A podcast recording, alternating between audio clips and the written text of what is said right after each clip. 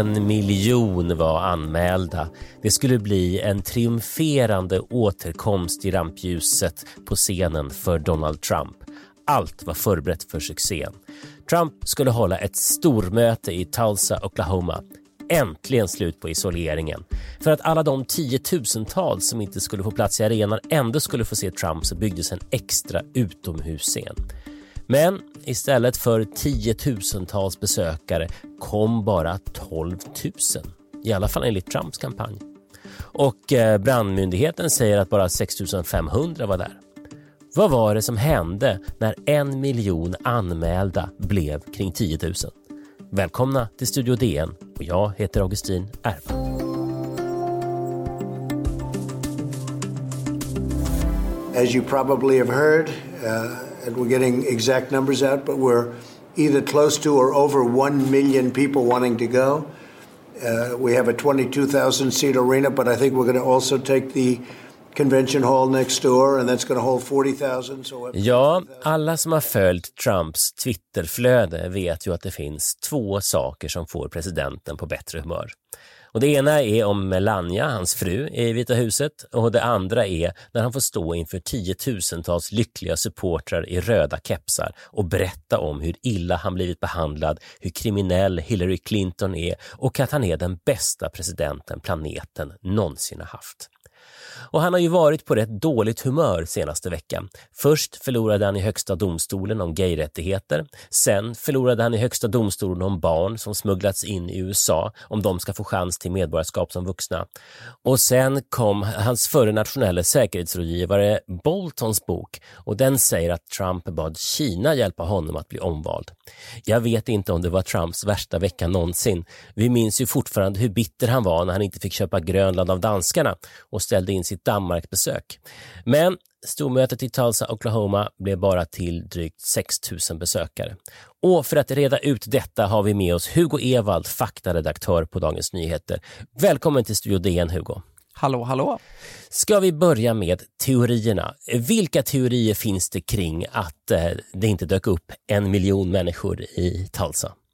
Ja, den första teorin som Trump-kampanjen själv använder sig av när de försöker förklara det här eh, publikfiaskot är att Eh, det helt enkelt ska ha funnits en massa Black Lives Matter-demonstranter och vänsteraktivister som ska ha hindrat då personer från att komma in i arenan och eh, förekomsten av den här typen av aktivister ska då också enligt Trump-kampanjen ha helt enkelt fått människor, särskilt människor med barn, att inte ja, men, vilja gå dit av rädsla för att skadas så att säga.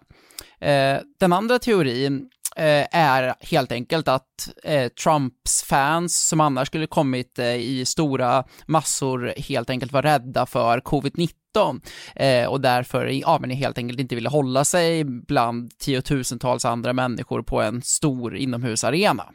Eh, och den tredje teorin då eh, är helt enkelt att de här en miljon eh, biljetter biljetterna som Trump-kampanjen påstår sig ha gett bort till det här mötet, att en stor del av dem ska ha eh, helt enkelt eh, eh, tagits av personer som egentligen inte var intresserade av att gå och som eh, helt enkelt bara ville ta dem för att retas med Trump kan man väl säga, eller liksom förstöra för Trump. Eh, och de här personerna har då i media och enligt dem själva ofta pekats ut som eh, ungdomar på TikTok och eh, K-pop-fans.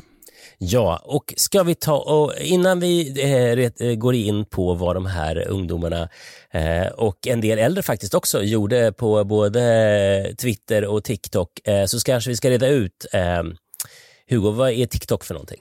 Ja, TikTok är en ohyggligt populär eh, videoapp som framförallt används av, ja men unga, eh, ofta personer under 18. Eh, så därför är det kanske många som har lyssnat på den här som inte känner, lyssnar på den här podden som inte känner till TikTok så väl. Eh, men TikTok är en eh, kinesisk videoapp eh, som helt enkelt går ut på att personer lägger upp korta klipp på sig själva. Ofta är det kanske korta sketcher, ofta är det vanligt att man gör speciella danser eh, till låtar eller att man som till låtar. Eh, den här appen då har eh, ursprungligen då eh, sitt ursprung i Kina, eh, den hette Douyin, eh, men sen köpte det här kinesiska företaget upp den eh, populära läppsynkningstjänsten Musical.ly eh, och slog ihop de här två kan man väl säga till det som idag är TikTok. Eh, och TikTok är, ja men kanske en av världens absolut populäraste appar just nu och framförallt bland unga. Um, så det var ju del ett i det här, i det här gänget då som, som, som eventuellt lades i det här bråket. Eh, och vad är K-pop-fansen för någonting? Ja, eh, K-pop är ju helt enkelt eh, en förkortning av koreansk pop, koreansk populärmusik. Eh, det, koreansk populärmusik har ju framförallt sen Psy slog igenom med Gangnam style blivit ohyggligt populär även i väst. Eh, men det K-pop-fans framförallt kanske lyssnar på, förknippas med att lyssna på är olika typer av eh, pojkband. Eh, det, största av de det största av de här pojkband heter BTS och är ohyggligt stora i eh, väst, men framförallt då i Sydkorea. Och vad de här eh, TikTokarna och K-pop-fansen gjorde ska vi alldeles strax återkomma efter pausen.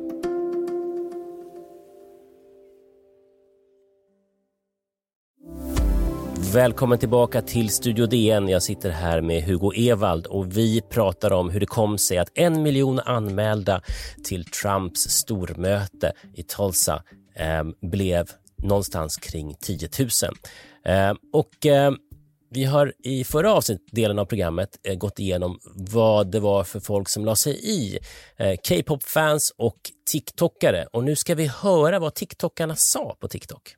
Oh my god, I just registered for Trump's rally and I'm so excited to not go. Somebody on another TikTok post commented that he was offering two free tickets on his campaign website. So I got two tickets, but I totally forgot that I have to pick every individual piece of lint off of my room floor and then sort them by size so I can't make it for Friday. So, I recommend that all of those of us that want to see this 19,000 seat auditorium barely filled or completely empty go reserve tickets now and leave him standing there alone on the stage. What do you say? Det var från TikTok. Hugo, berätta, vad är det för någonting vi hör här? Ja, men det här är liksom det blev eh, vad ett ganska populärt viralt fenomen kan man väl kanske säga eh, i veckorna som ledde fram till det här stora valmötet att eh, helt enkelt personer gjorde videos där de uppmanade sina vänner och följare att eh, ansöka om att få de här gratisbiljetterna, för Trump-kampanjen gav ju bort de här biljetterna gratis till alla som skrev upp sig så att säga. Eh, och personer uppmanades då att skriva upp sig och sen, ja men helt enkelt inte gå för att, eh, ja men förnedra Trump-kampanjen och få dem liksom att skryta över att de hade jättemånga biljetter och sen kommer det ganska få personer, kan man väl säga. Men, men det här handlar ju om en miljon, eh, alltså det handlar ju nästan om en miljon anmälningar. Hur många, hur många visningar hade de här tikt, olika TikTok-videosarna och K-pop-grejerna? Eh, det är lite svårt att veta ofta i efterhand, för många av de här videorna togs medvetet bort efter kort tid för att man helt enkelt ville hålla det här lite hemligt för Trump-kampanjen. Men många av de videos som finns kvar har åtminstone fått ja, flera miljoner visningar, så det, det är i alla fall miljoner människor som kan ha nåtts av det här budskapet. Men sen Sen är det tveksamt om, ja men helt enkelt, det rör sig om 900 000 personer som har skrivit upp sig för att reta så att säga. Det kan ju mycket väl också handla om personer som helt enkelt ville stötta Trump så att säga. Mm. Eh, en av de sakerna som, som, eh, jag vet eh, är lite speciellt med de här eh, anmälningarna är att man var ju tvungen att inte bara uppge en mejladress utan också ett telefonnummer. Men hur tänkte folk när de liksom lämnade in sina telefonnummer till Trump-kampanjen? Nej, jag tror att där kanske man inte riktigt tänkte så mycket, utan man tänkte väl att man skriver upp sig och så är det en rolig grej. Eh, jag tror att eh, det ser man ju också i Sverige, att när det gäller att skriva upp sig på namninsamlingar, fylla i formulär, så är folk ofta väldigt, vad kan jag säga, de tänker kanske inte så mycket på sin personliga integritet, utan de kanske tänker framförallt på eh, vad som är, vad de vill göra i stunden, så att säga. Mm, för jag har ju sett nu ett gäng unga människor som är väldigt chockade över liksom den otroliga mängd sms de får från Trump-kampanjen nu. Ehm, men ska vi, ska vi, ehm, eh, om vi går in lite mer på det här, för att eh, det här med att ett stort antal människor då, för ehm, vi vet ju inte hur många, men det var, man får ändå gissa att det var ett antal, eh, då har skickat in falska uppgifter till, till Republikanerna och, och, Trumps kampanj. Vad, vad kan det innebära, Hugo? det blir ju väldigt dyrt för dem. De måste ju helt enkelt försöka sortera bort de här. För att Trump-kampanjen är ju intresserad av att ha väldigt många personers personuppgifter för att kunna skicka ut sms till dem, för att kunna skicka riktade budskap till dem och så vidare och bygga upp liksom demografiska databaser. Men eh, man är ju inte särskilt intresserad av att ha framförallt kanske tonåringars data eh, och framförallt inte tonåringar som tycker väldigt illa om Donald Trumps data för att det är bara, ja men det skapar ju en ored i de här stora liksom använda databaserna de har och det blir också väldigt dyrt för dem för att då skickar ut en enorm mängd sms, Trump-kampanjen och även Biden-kampanjen. Eh, och varje sms kostar ju pengar. K-pop-fansen gjorde ju eh, innan den här, det här gjorde ju de eh, en kampanj som, som riktade sig mot rasister på Twitter. Kan, kan du berätta lite grann om det? Mm. Ja, det handlar ju då framförallt om fans då till den här tidigare nämnda gruppen BTS som, eh, jag tror det här har sitt ursprung i flera saker eh, BTS då, det här eh, pojkgruppen som är enormt populära, eh, de meddelar att de har donerat en enorm mängd pengar till Black Lives Matter-rörelsen. Eh, och det fick ju förstås deras fans att också vilja bidra på något sätt. Eh, och det som man i många fall har gjort då, det är att till exempel dyka upp i hashtags eller eh, eh diskussionsämnen på sociala medier där personer som man menar är rasister diskuterar för att helt enkelt störa deras konversationer och täcka upp så att de inte syns helt enkelt.